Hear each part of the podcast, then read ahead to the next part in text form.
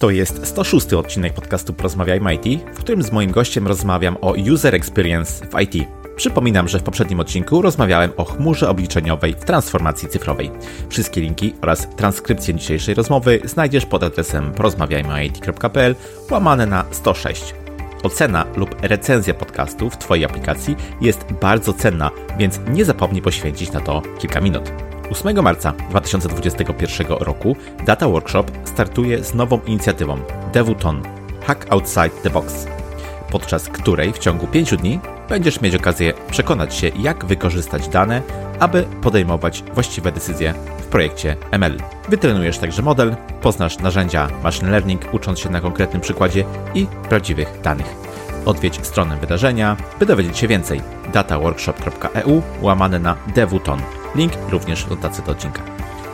Ja się nazywam Krzysztof Kępiński, a moją misją jest poszerzanie horyzontów ludzi z branży IT. Środkiem do tego jest m.in. ten podcast. Zostając patronem na platformie Patronite, możesz mi w tym pomóc już dziś. Wejdź na porozmawiajmyit.pl łamane na wspieram i sprawdź szczegóły. Jednocześnie bardzo dziękuję moim obecnym patronom. A teraz, bez przedłużania, życzę Ci już miłego słuchania. Odpalamy! Cześć, mój dzisiejszy gość to dyrektor zarządzający w firmie Symetria, osoba posiadająca szerokie doświadczenie w obszarach user experience, e-commerce, digital marketing, usability, trener certyfikatu UX PM, kierownik kierunku UX Design na SWPS w Poznaniu, wykładowca na uczelniach Wyższej Szkoły Bankowej. Moim waszym gościem jest dzisiaj Sharon Milo. Cześć Sharon, bardzo miło mi gościcie w podcaście. Cześć, mi również bardzo miło, dziękuję za zaproszenie. No i tutaj w tej e, zapowiedzi Twojej osoby wiele razy przewinęło się słowo user experience, UX. No i oczywiście to będzie temat naszej e, rozmowy. No i spróbujemy sobie te dwa światy, czyli e, user experience i IT w jakiś sposób pożenić, zobaczyć, gdzie one, te płaszczyzny się spotykają i jak wzajemnie mogą sobie te dwie dziedziny tutaj pomagać. Ale ja zawsze rozpoczynam podcast od takiego standardowego pytania do mojego gościa. E, czy słuchasz podcastów i jeśli tak, to może masz jakieś swoje ulubione, którymi możesz się podzielić? Tak, słucham, choć no nie jestem jakimś turbo regularnym słuchaczem, ale z dziedziny UX-a mm, bardzo chciałbym e, podkreślić dwa niezwykle ciekawe. Pierwszy to nasz rodzimy polski podcast Catching the Next Wave Agi Szóstek w której jest takie holistyczne podejście do UX-a, coś na czym nam też w symetrii mocno zależy, by nie traktować UX-a, UX designerów tylko jako mm, twórców makiet, ale osoby, które patrzą holistycznie zarówno na cały biznes, na leadership. Bardzo go bym polecał. Drugi to międzynarodowy, e, ciekawa nazwa Everyone is a UX Designer, Jared Spula. Również takie podejście mm, holistyczne, coś, czemu my tu w symetrii mocno hołumimy. A poza tym to też e, podcasty takie, które są związane z moim hobby, trochę politycznych. Nie chcę tu się w mhm. sumie dzielić e, konkretnymi nazwami. I też jestem fanem piłkarskiej naszej ekstraklasy, kibicuję jednej drużynie, więc też co tydzień mam okazję się przysłuchiwać, co tam na bieżąco. Fajnie, bardzo szerokie spektrum różnych, różnych tematów, różnych podcastów. Świetnie, dzięki za podzielenie się tym. E, dobrze, to wiesz co, na początku, zanim przejdziemy sobie o, o, do dyskusji na temat powiązań, e, wzajemnych wpływów UX i IT, to chciałbym Cię zapytać, jak to się w ogóle stało, że zainteresowałeś się tą dziedziną, że takie swoje, wiesz, kroki i zawodowe, i też akademickie mm, pokierowałeś właśnie w tym, w tym kierunku, co Cię przyciągnęło do tej e, dziedziny ludzkiej działalności? Trochę życie, można powiedzieć, bo mam okazję zajmować się branżą interaktywną już od ponad 15 lat. E, przypomnę, może powiem, Symetria powstała e, w momencie, gdy nasz pierwszy duży startup, Sympatia.pl, został sprzedany do Onetu i zaobserwowaliśmy wtedy, kurczę, rynek się mocno rozwija. E, często proste zmiany w funkcjonalności serwisu, w jego układzie mogą powodować bardzo duże zmiany w kontekście przyrostu liczby użytkowników, przyrostu liczby osób, które nam płacą. No i doszliśmy do tego, że gdzieś kiedyś ta działka biznesu będzie można ją rozwijać. No i w momencie sprzedaży sympatii otworzyliśmy agencję Symetria, która początkowo jeszcze nawet nie wiedziała, że zajmuje się UX-em. Mocno wtedy, to był początek lat 2000, skupialiśmy się na usability, na tym, żeby łatwo, prosto i użytecznie można było z serwisów korzystać.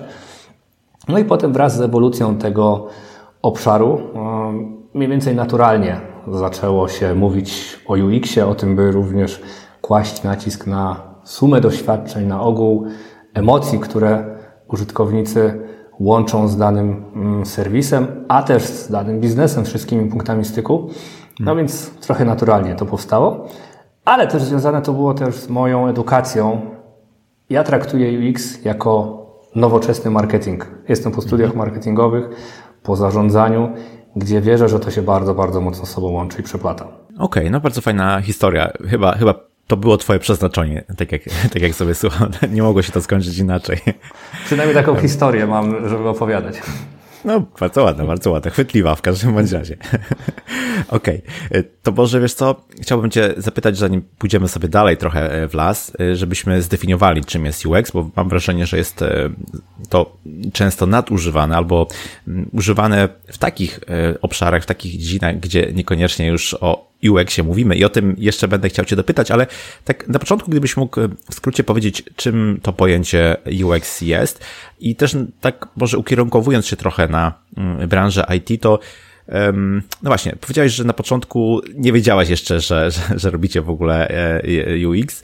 E, kiedy według Ciebie branża IT się e, pożeniła, zainteresowała w ogóle czymś takim jak user experience i kiedy zaczęto zauważać, że z tego może po prostu płynąć jakiś zysk? Myślę, że tak na poważnie ma to miejsce od kilku lat, choć już wcześniej wierzę, że branża IT powinna była się do tego e, w jakiś sposób e, przywiązać i skoncentrować. To, co jest e, znamienne, to fakt, że UX można traktować w dwóch wymiarach wąskim i szerokim. Zdecydowanie, jak już wcześniej wskazałem, jestem zwolennikiem takiego szerszego spojrzenia na UX. Wąski to mówienie, że UX to jest makietowanie. Zróbcie mi UX-y, często się tak mówi, czyli Weźcie mi coś, narysujcie, ewentualnie może zróbcie badania z użytkownikami, mm, a bardziej ja bym namawiał do tego, by traktować to szeroko, jako ogół, sumę doświadczeń na różnych punktach styków, jaką nasi klienci mają z naszą marką. Czyli zarówno jak będą się czuli podczas korzystania z aplikacji, jak będą się czuli podczas rozmowy e, z konsultantem, e, by rzeczywiście podejść do tego holistycznie. Również, by spoglądać na to, co wytwarzamy, też w takim szerokim zakresie. Czyli nie tylko to, co daje nam produkt, ale również jak się z niego korzysta, jakie mamy emocje związane z tym, co daje nam obsługa, ale również to, jakie emocje wywołuje na marka i, i cały zestaw działań, który dana e, firma nam zapewnia. Mhm. Przykładowo możemy mieć świetny produkt, e, którego się świetnie korzysta, ale na przykład wizerunek marki jest nie najlepszy. To też wpływa na nasze emocje, na nasze doświadczenie. I rolą prawdziwego UX-owca, jeżeli można tak określić, jest to, by rzeczywiście koncentrować uwagę na tych wszelkich obszarach. Więc mhm. ja bym to tak szeroko definiował. Ogół, suma doświadczeń, które na różnych punktach styka i na różnych warstwach produktu nasi klienci z naszą marką mogą uświadczyć. Okej, okay, rozumiem. Ja sporo działam z różnymi startupami, wspierając gdyby ich, ich rozwój od strony technologicznej e, i tam o UX się myśli, to jest jak gdyby mm, jest to taka, ta, taka branża, taka, taka dziedzina, która musi zwrócić uwagę na, na UX, żeby w jakiś sposób się gdzieś tam, gdzieś tam e, po prostu wybić. Natomiast E, schodząc jak gdyby do konkretnych osób, które pracują e, w, na przykład w startupach, ale niekoniecznie, mm, niekoniecznie tylko tam, to zazwyczaj są to osoby, które łączą rolę i UX-owca i osoby odpowiedzialne za UI. No, to jest tak, tak najczęściej takie coś jak UX slash UI. Mm. mm. I, I, mam wrażenie, że, że, że jak gdyby mm, trochę nie do końca wiemy, w jaki sposób rozróżnić czym e, jak gdyby UX-owiec różni się od UI-owca i jeszcze od frontendowca. Wszyscy oni trochę gdzieś łączą wspólny obszar zainteresowań. Natomiast e, chciałem Cię zapytać, gdybyś mógł właśnie tak, tak dosyć klarownie zdefiniować różnicę pomiędzy tymi trzema e, rolami, czyli frontendowiec, UX, UI. Okej, okay, to zacznę może od frontendowca jako takiego najgłębszego. Frontendowiec yy, korzysta z tego, co dostarczy mu UI-owiec, czyli najczęściej z różnych elementów graficznych, z layoutów, po to, by je mógł pociąć i dać do już zakodowania. Mhm. Natomiast UI-owiec korzysta z pracy UX-owca, którego takim outputem jest nie tylko układ, jak dany serwis, aplikacja powinien być zaprojektowany, ale cała wcześniejsza robota związana z koncepcją, z tym, by połączyć z sobą również biznes, by połączyć z sobą e, głos rynku i stworzyć samą propozycję wartości. Stąd też rola UX-owca jest znacznie, znacznie szersza. Ci, którzy e, określają, szukamy UX-owca łamane na UI-a, zawężają ją właśnie do tego wąskiego myślenia, że to jest makietowanie, kreślenie, projektowanie. Natomiast w ujęciu szerokim UX-owiec to jest ten, ten, który odpowiada za to, by zrozumieć co najmniej te trzy głosy. Głos użytkownika, głos biznesu, głos rynku, stworzyć wspólnie koncepcję. No, jak pewnie się domyślasz, jest to znacznie, znacznie więcej roboty niż samo kreślenie i projektowanie. Jasne. Okej, okay, rozumiem. Ma to, ma to sens, y, to takie przechodzenie od jednej roli do, do drugiej i podawanie sobie wyników swojej pracy, żeby kolejna osoba mogła to dalej gdzieś przekształcać i, e, i na tym pracować. Ma to, y, ma to sens.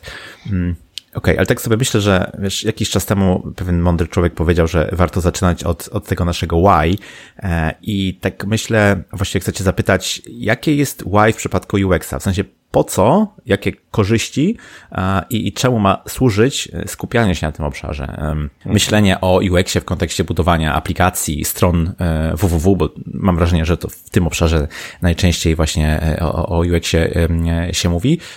Co według Ciebie jest takim głównym driverem? Co według Ciebie powoduje, że, że, że firma, nie wiem, chce mieć taką rolę, chce inwestować w rozwój UX? Co, co, co może zyskać, jak obserwujesz rynek? Mo można wyróżnić trzy rodzaje korzyści, które daje stosowanie UX-a. Przede wszystkim jest to sama jakość, jaką nasz produkt czy usługa daje klientom. E, wpływa to mocno na to, że klienci chcą z nami zostać i też jesteśmy w stanie zapewnić taki największy cel, który, na którym nam zależy, czyli powodować, że nie tylko klienci korzystają z naszych usług, są z nich zadowoleni, ale również polecają go naszym swoim znajomym, dzięki czemu mamy wśród nich swoich takich ambasadorów. Drugą, e, drugim rodzajem korzyści jest to, że znacznie zmniejsza się czas związany z tworzeniem produktów i usług, przez to, że jest mniej powtórek, e, zespoły są bardziej e, skoncentrowane na tym, na czym chcę, jaki cel chcą osiągnąć. No i powoduje to też trzecią, chyba najmniej dostrzeganą, a robiącą bardzo dużą różnicę E, wiązkę korzyści, mianowicie pracuje się znacznie przyjemniej. Te organizacje, które budują sobie świadomość UX-ową, w którym e, przełamuje się tak zwaną mentalność silosową, są bardziej skoncentrowane na użytkowniku, bardziej są w stanie odpowiedzieć sobie na to mityczne pytanie why, dlaczego ja w ogóle pracuję. Są w stanie skoncentrować się na wartości, którą klientowi się dostarcza i zbudować sobie też świadomość, że to klient tak naprawdę płaci nam wynagrodzenie. Mhm. My w Symetrii mamy okazję pracować zazwyczaj z firmami korpo, jeśli można tak określić.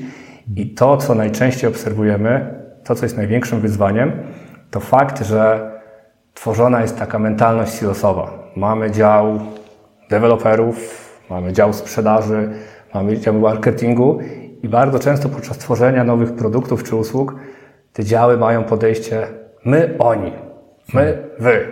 Co sprawia, że trudniej jest o wewnętrzną współpracę, która prowadziłaby do znacznie sprawniejszej pracy. Stosowanie narzędzi UX-owych, włączanie użytkownika w proces powoduje, że znacznie łatwiej te silosy przełamać dzięki czemu osiąga się te korzyści, o których wspomniałem. No właśnie, powiedziałeś, że w Twojej firmie realizujecie takie usługi, powiedzmy, wokoło e, UX gdzieś na zewnątrz, nie? Dla, dla, dla waszych, e, waszych klientów. Mm, bardzo często jest jednak tak, że takie stanowisko UX, nieraz właśnie UX slash e, UI, no to jest osoba, która po prostu pracuje gdzieś tam wewnątrz firmy i jak gdyby ten obszar gdzieś ogarnia. W związku z tym musi, tak powiedziałbym, prawie na, e, na co dzień współpracować też z osobami technicznymi, które w jakiś sposób no, przekładają e, to na, na, na finalną e, postać w postaci chociażby kodu źródłowego aplikacji, strony czy czegokolwiek tutaj wokoło IT. W związku z tym chciałbym Cię zapytać o takie najlepsze praktyki, może jakieś uwagi, jak właśnie specjalista od UX może współpracować z programistami, innymi osobami technicznymi z IT. W zasadzie jest jedna odpowiedź na to pytanie, e, a brzmi ona zaangażować programistów jak najwcześniejszym etapie tworzenia produktu lub usługi. E, podejście UX-owe to w dużej mierze też metodyka tworzenia projektów, podzielenie sobie tego procesu na takie cztery części. E, każda zaczyna się na literkę D, czyli Discover, Define, Develop i deliver. Pewne znane są e, te etapy, natomiast nie każdy łapie świadomość, że jak kluczową wartość ma ta faza discover, czyli faza, w której jeszcze nie rozpoczynamy projektowania, ale zaczynamy budować wewnątrz organizacji kulturę skoncentrowania się na tym, co tak naprawdę chcemy zrobić. To jest moment, w którym włączamy do procesu wszystkich interesariuszy, interesariuszy w naszej organizacji, czyli właśnie zarówno deweloperów, zarówno projektantów, zarówno biznes, zarówno obsługę klienta, ale również w tym etapie włączamy klientów. jeżeli osoby z IT, deweloperzy, już na tym etapie będą mieli okazję wspólnie razem wsłuchiwać się w trzy głosy, głos klienta, głos biznesu i głos rynku, efekty są niesamowite. Wtedy te osoby czują się współautorami projektu, jest to sytuacja zupełnie inna niż ta, w której najczęściej popełniany jest błąd, że dopiero w fazie develop mhm. są oni zapraszani, gdy już koncepcja jest wymyślona, gdy już naszkicowane są pewnego rodzaju mm, ekrany, procesy. Jaka jest wtedy najczęstsza odpowiedź dewelopera? Nie da się Nie zrobić. się. Albo deweloperzy wtedy zaczynają z innymi deweloperami rozmawiać oni nam tu zaprojektowali, oni nam to wymyślili. To jest zupełnie inna energia. Jest najczęściej wtedy negowanie, e, entuzjazm do projektu jest zupełnie inny niż sytuacja, w której zaproszeni byliby już w tej fazie discover, nawet punktowo. Tu nie chodzi o to, żeby 7 dni w tygodniu, 24 godziny na dobę uczestniczyli, ale żeby poczuli się ważni, żeby poczuli się współautorami. Bardzo dużo mówi się, że Nowoczesne firmy to te, które tworzą tak zwany trójkąt tworzenia wartości, w której są z jednej strony właściciele firmy, z drugiej strony pracownicy, niezależnie od tego, z jakiego są działu, a z trzeciej klienci. Jeżeli w fazie Discover razem te trzy strony zaczną czuć się współautorami, dzieje się magia. I w tym właśnie jest rola UX-owców, by zorganizować taką kulturę pracy, za sprawą narzędzi, ale też za sprawą szeroko rozumianego mindsetu. Hmm. I, I właśnie tutaj dałbym tę odpowiedź. Zaangażować jak najwcześniej, żeby, żeby nie być dopiero w pewnym momencie podstawionym przed faktem dokonanym. Sam pewnie hmm. wiesz z doświadczenia, że nie działa to motywująco. Tak, tak, dokładnie jeśli tak się faktycznie zdarza, że nagle dostajemy jakieś zadanie do zrobienia, czy na przykład e, cały feature, tak, całą funkcjonalność z, już przygotowanymi e, designami i całą, całą logiką i tak dalej, no to nie czujemy się oczywiście autorem tego wszystkiego, jesteśmy tylko wykonawcą, nie? Wtedy o to zaangażowanie jest znacznie, znacznie trudniej, tak jak powiedziałeś. Tak, to prawda. Mhm. Okej, okay, no to mamy tutaj tą jak gdyby współpracę e, z osobami technicznymi. E, w tym trójkącie e, są też osoby z biznesu szeroko rozumianego i, i klienci, nie? I to też są jak gdyby tacy no, interesariusze, powiedz, powiedzmy, z którymi UX designer czy osoba odpowiedzialna za, za UX musi współpracować, żeby swoją pracę mm, z sukcesem realizować. I Tutaj z kolei chciałem Cię zapytać, jak najlepiej zaangażować te dwie strony w pracy UX designera. Podzielić sobie pracę na cząstki i iteracyjnie, krok po kroku włączać tych poszczególnych interesariuszy. Często na pytanie, e, które pada na naszych szkoleniach, od czego zacząć, przewrotnie odpowiadam, to nie jest istotne od czego zacząć. Ważne, by włączać poszczególnych interesariuszy we wspólne się wsłuchiwanie w trzy głosy. Zacząć na przykład od rozmów z interesariuszami, e, wpytać się, e, czy macie już doświadczenia w budowaniu podobnych produktów. E, włączyć ich wsłuchiwanie się w głosu rynku, pokazać kilka różnych rozwiązań konkurencji, czy to pośredniej, czy to bezpośredniej i krótkimi spotkaniami, teraz w dobie COVID-u mogą być to dzwonki na Zoomie, po 20, po 30 minut, 2-3 razy w tygodniu, gdzieś razem dochodzić do tego, jaką chcemy wspólnie stworzyć koncepcję. Przy czym wymaga to pewnego rodzaju kultury, która jest w organizacjach. Nie ukrywam, nie wszystkie firmy są na to gotowe, bo bardzo często jest gdzieś tam z góry idący przykaz. Musimy się wyrobić do na przykład 14 kwietnia i to jest jedyna stała. I mhm. nie wiedząc jeszcze, co tak naprawdę chcemy stworzyć, zaczynamy działać pod wpływem stresu, pod wpływem presji. Jeżeli zaś podejdzie się metodyką taką właśnie UX-ową, gdzie w fazie discovery możemy trochę poeksperymentować, popróbować, oddać się pełnomyślicielstwu, ale robimy to razem mhm. i mamy tak zorientowanych mentalnie ludzi, to wtedy później znacznie szybciej i znacznie łatwiej jest w stanie osiągnąć dany cel. Domyślam się zatem, że UX designerzy to muszą być osoby e, otwarte, e, też umiejące słuchać. No ale chciałem Cię zapytać ogólnie o kompetencje e, poza takimi umiejętnościami miękkimi, też może bardziej trochę um, zahaczające o, o, o twarde jakieś e, kompetencje. Co UX designer musi wiedzieć, na czym się musi znać, żeby zwłaszcza w obszarze e, IT realizować swoje zadania i czy według Ciebie takie nieco bardziej formalne, na przykład wykształcenie, czy jakieś kursy y, są, są niezbędne. Sam e, prowadzisz taki kierunek właśnie w tym obszarze na SWPS. Czy, czy myślisz, że coś takiego na chwilę obecną jest niezbędne, żeby, żeby właśnie się odnaleźć e, w, w, w UX, czy to jest powiedzmy jakiś, jakiś e, dodatek, który może pomóc, ale nie jest niezbędny? Niezbędna jest w zasadzie jedna, nazwę to kompetencja. E, chęć takiej ciekawości, eksploracji i rzeczywiście doprowadzania do konkretnych rozwiązań. E, nie każdy ma taką cechę. Jest, jest typ ludzi, którzy e, gdzieś tam słuchają, gdzieś tam co chcą zrobić.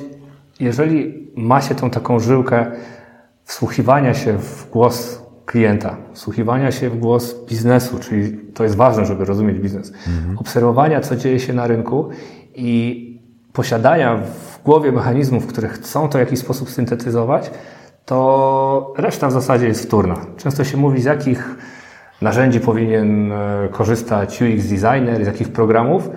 E, to jest naprawdę wtórne. Każdy jest w stanie się ich nauczyć, jeżeli tylko ma w sobie taki drive do tego, by połączyć tą syntezę tych trzech głosów, o których mówiłem, w jakieś konkretne rozwiązanie.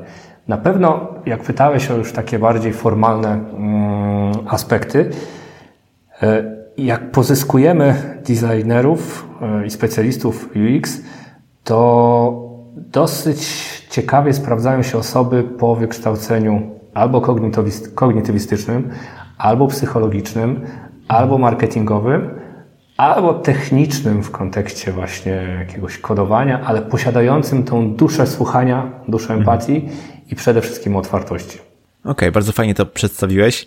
E, podążę jeszcze w kierunku doprecyzowania może, to znaczy e, tak, tak na co dzień, gdy musimy wykonać te, te zadania, tak? Na koniec dnia jednak zostaje jakaś konkretna praca e, do wykonania.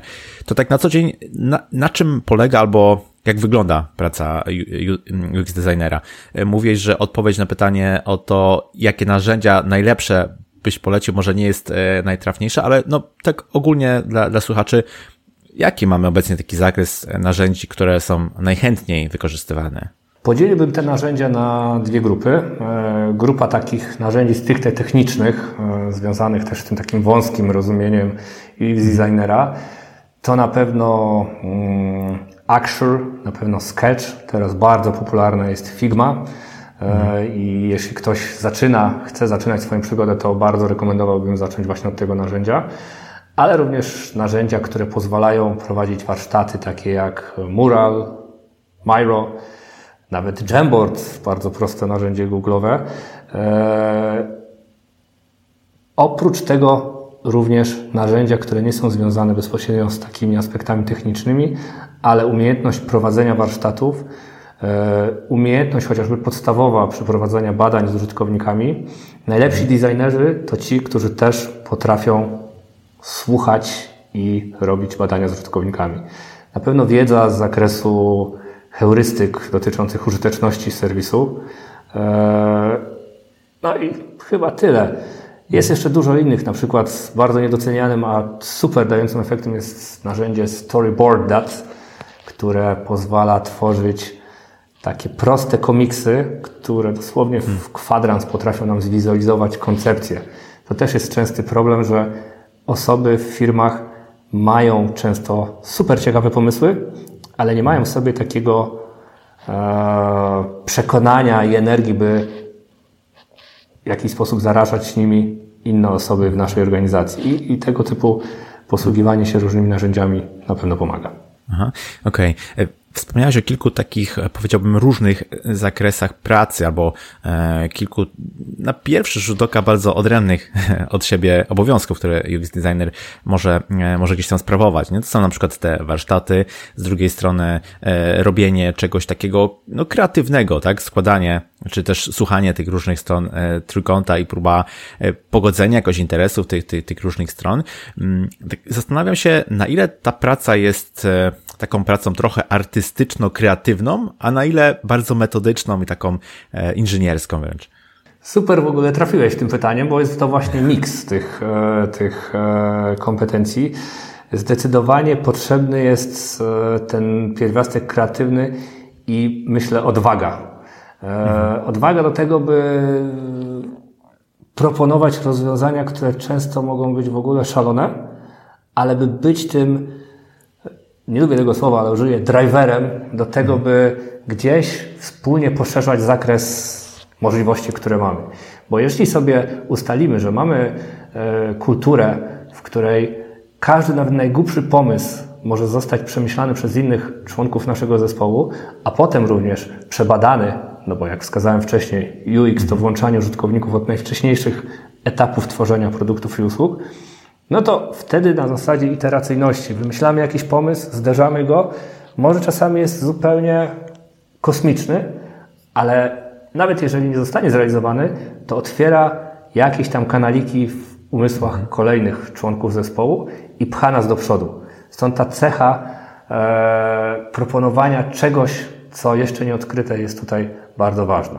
No ale żeby to nie był e, przysłowiowy freak, który tylko strzela pomysłami, to ta e, warstwa mm, taka budowania w sobie metodyki działania w jakimś takim ustalonym zakresie oraz pierwiastek inżynierski, żeby też mieć świadomość, że czasami pomysły, na które wpadamy, można, krótko mówiąc, dużo pieniędzy na nie trzeba wydać, żeby je wdrożyć, też ma tutaj znaczenie. E, ostatnio mieliśmy taką bardzo ciekawą rozmowę E, z jednym z naszych e, klientów, e, duży bardzo bank, który narzekał, że oni mają trochę niedojrzałych UX-owców, bo owszem, mocno skupiają się na tym, co jest dobre dla użytkownika, ale cały czas proponują rozwiązania, które są totalnie oderwane od naszej rzeczywistości. Są drogie, e, trudne do wdrożenia. UX-owiec powinien również łapać świadomość, z czym wiążą się pewne jego pomysły. Stąd właśnie miks tych różnych umiejętności, ale chyba najważniejsza ta, ten drive połączony z otwartością na słuchanie innych interesariuszy, to jest taka najważniejsza cecha. Najgorsi są ci UX designerzy, którzy wpadną na swój pomysł i hmm. bronią go, nie patrząc na to, Aha. co myślą inni. No tak, faktycznie, faktycznie. E okay, myślę, myślę sobie, że taki miks tych, tych kompetencji powoduje, że ta praca może być bardzo ciekawa. No i mm, jeśli ktoś chciałby rozpocząć jak gdyby w tym, w tym kierunku gdzieś popchnąć swoją, swoją karierę, to co byś doradził na początek? Jak taka osoba może e, znaleźć pierwszą pracę jako UX designer? Czy, czy, czy musi mieć już, nie wiem, jakieś dokonania, jakieś, jakieś e, portfolio, gdzie zacząć? Jakie rady byś na początek e, tutaj mm, podpowiedział? Pierwsza, chyba najważniejsza rada, mm, próbować samemu coś stworzyć. E, próbować samemu robić alternatywne wersje istniejących rozwiązań.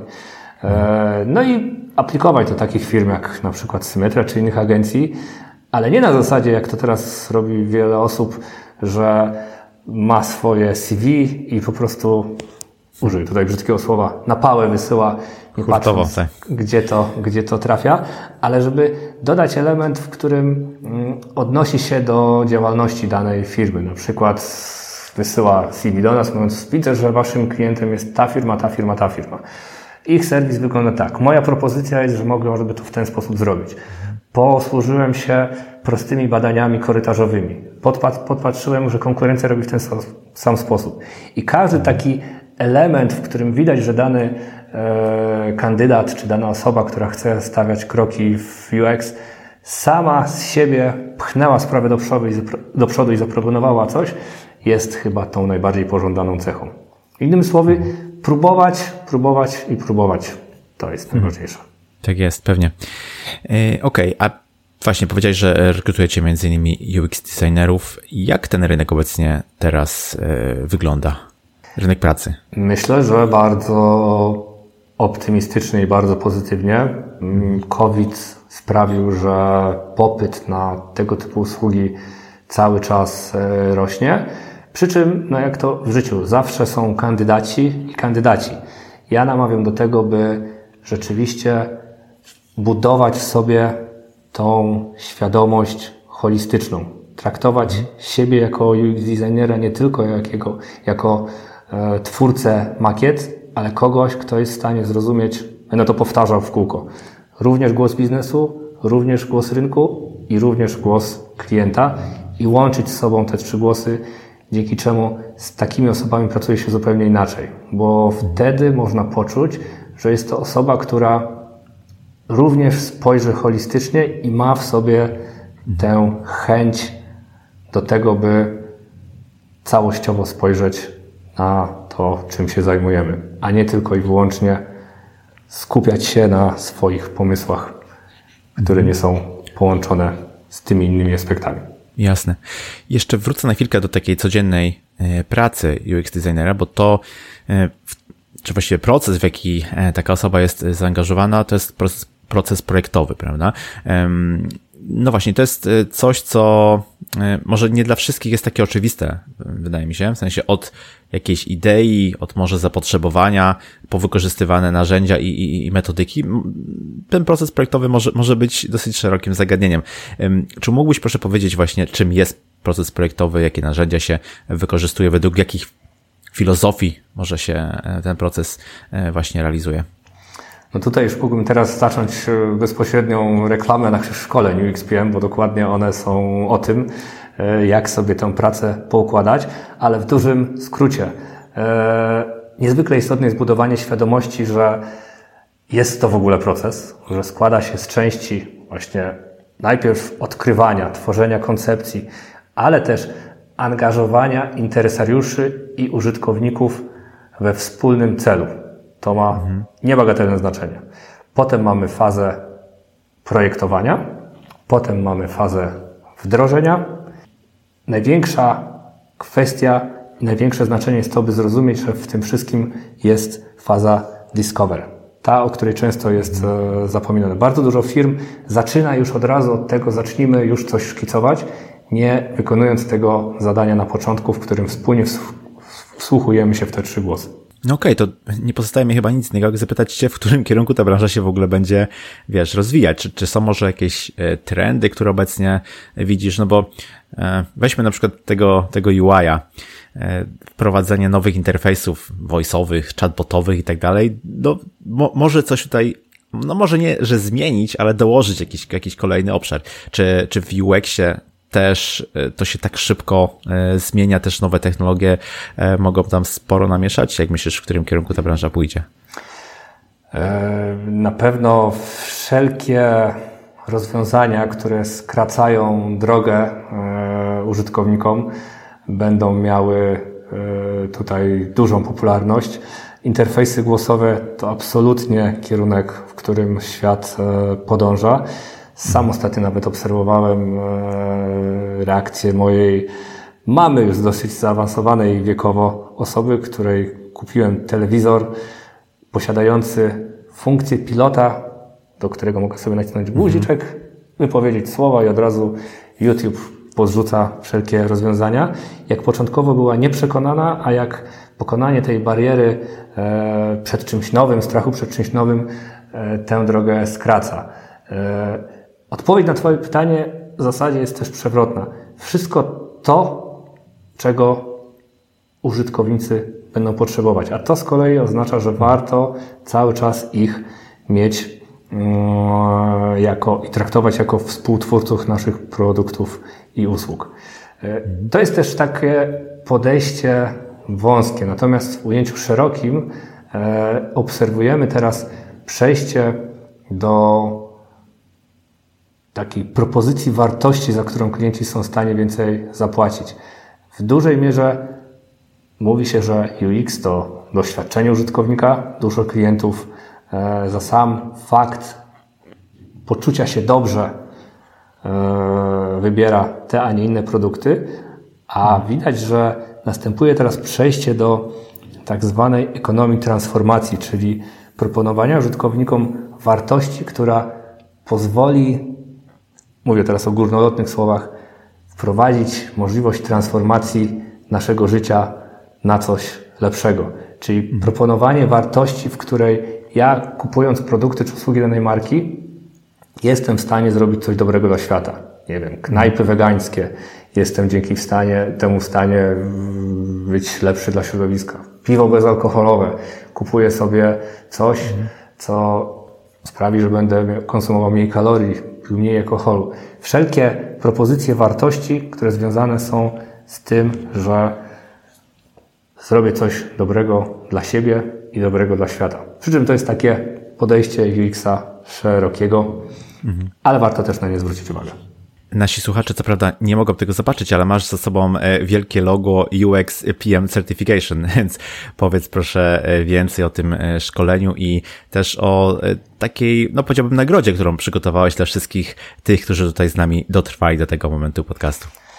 No, nie tyle co nagroda. Od już ponad pięciu lat w Symetrii realizujemy program międzynarodowej certyfikacji UXPM, która pomaga w szeroko rozumianym tworzeniu produktów i usług powstał na bazie e, doświadczeń autorów z kilkunastu krajów.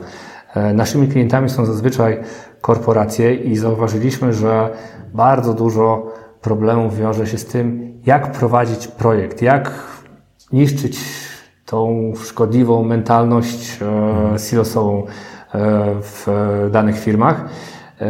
I to, czego na tym uczymy, to przede wszystkim rozwijanie kompetencji badawczo-projektowych, po to, żeby samemu być w stanie zaplanować cały proces, wiedzieć, kiedy e, wsłuchać się w głos rynku, przeprowadzić analizy e, konkurencji, badania z użytkownikami, jak tworzyć propozycje wartości, ale również, by usprawniać komunikację, czyli sprawiać, że w organizacji wszyscy zaczynamy wspólnie patrzeć, co jest naszym celem, też ta częsta walka między deweloperami a marketingiem, projektantami, żebyśmy wszyscy grali do jednej bramki, ale też budowali sobie taką praktyczną umiejętność oceniania użyteczności serwisów e, czy aplikacji. To też zaobserwowaliśmy, że osoby, które mm, nie wiedzą dokładnie, jak dany serwis powinien zostać zaprojektowany, często jeżeli otrzymują dany projekt, nie są w stanie powiedzieć, czy to jest dobre, czy to jest złe,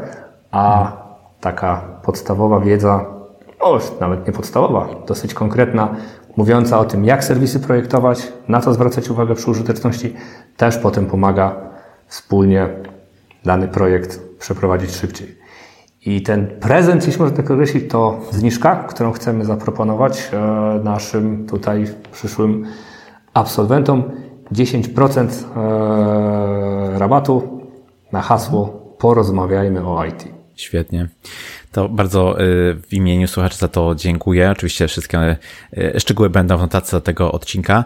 Y, a ja Ci, Sharon, bardzo dziękuję za ciekawą rozmowę. Mam wrażenie, że dopiero co dotknęliśmy powierzchni tego, tego tematu UX i IT, ale i tak wydaje mi się, że to, co powiedziałeś, będzie dla mm, wielu słuchaczy bardzo odkrywcze, więc wielkie dzięki za ten poświęcony czas. I na koniec powiedz proszę, gdzie Cię można znaleźć w internecie, jak się z Tobą skontaktować. Zachęcam do dołączenia do naszej grupy facebookowej UX w biznesie. Tam staramy się mm, podpowiadać, jak właśnie poszerzać sobie tą UX-ową optykę, ale też regularnie, raz na miesiąc przeprowadzamy webinary z ciekawymi gośćmi. UXPM Case Studies, czyli osoby, które w jakiś sposób są już po tym naszym kursie i dzielą się takim mięsem, co takiego dobrego udało im się wprowadzić.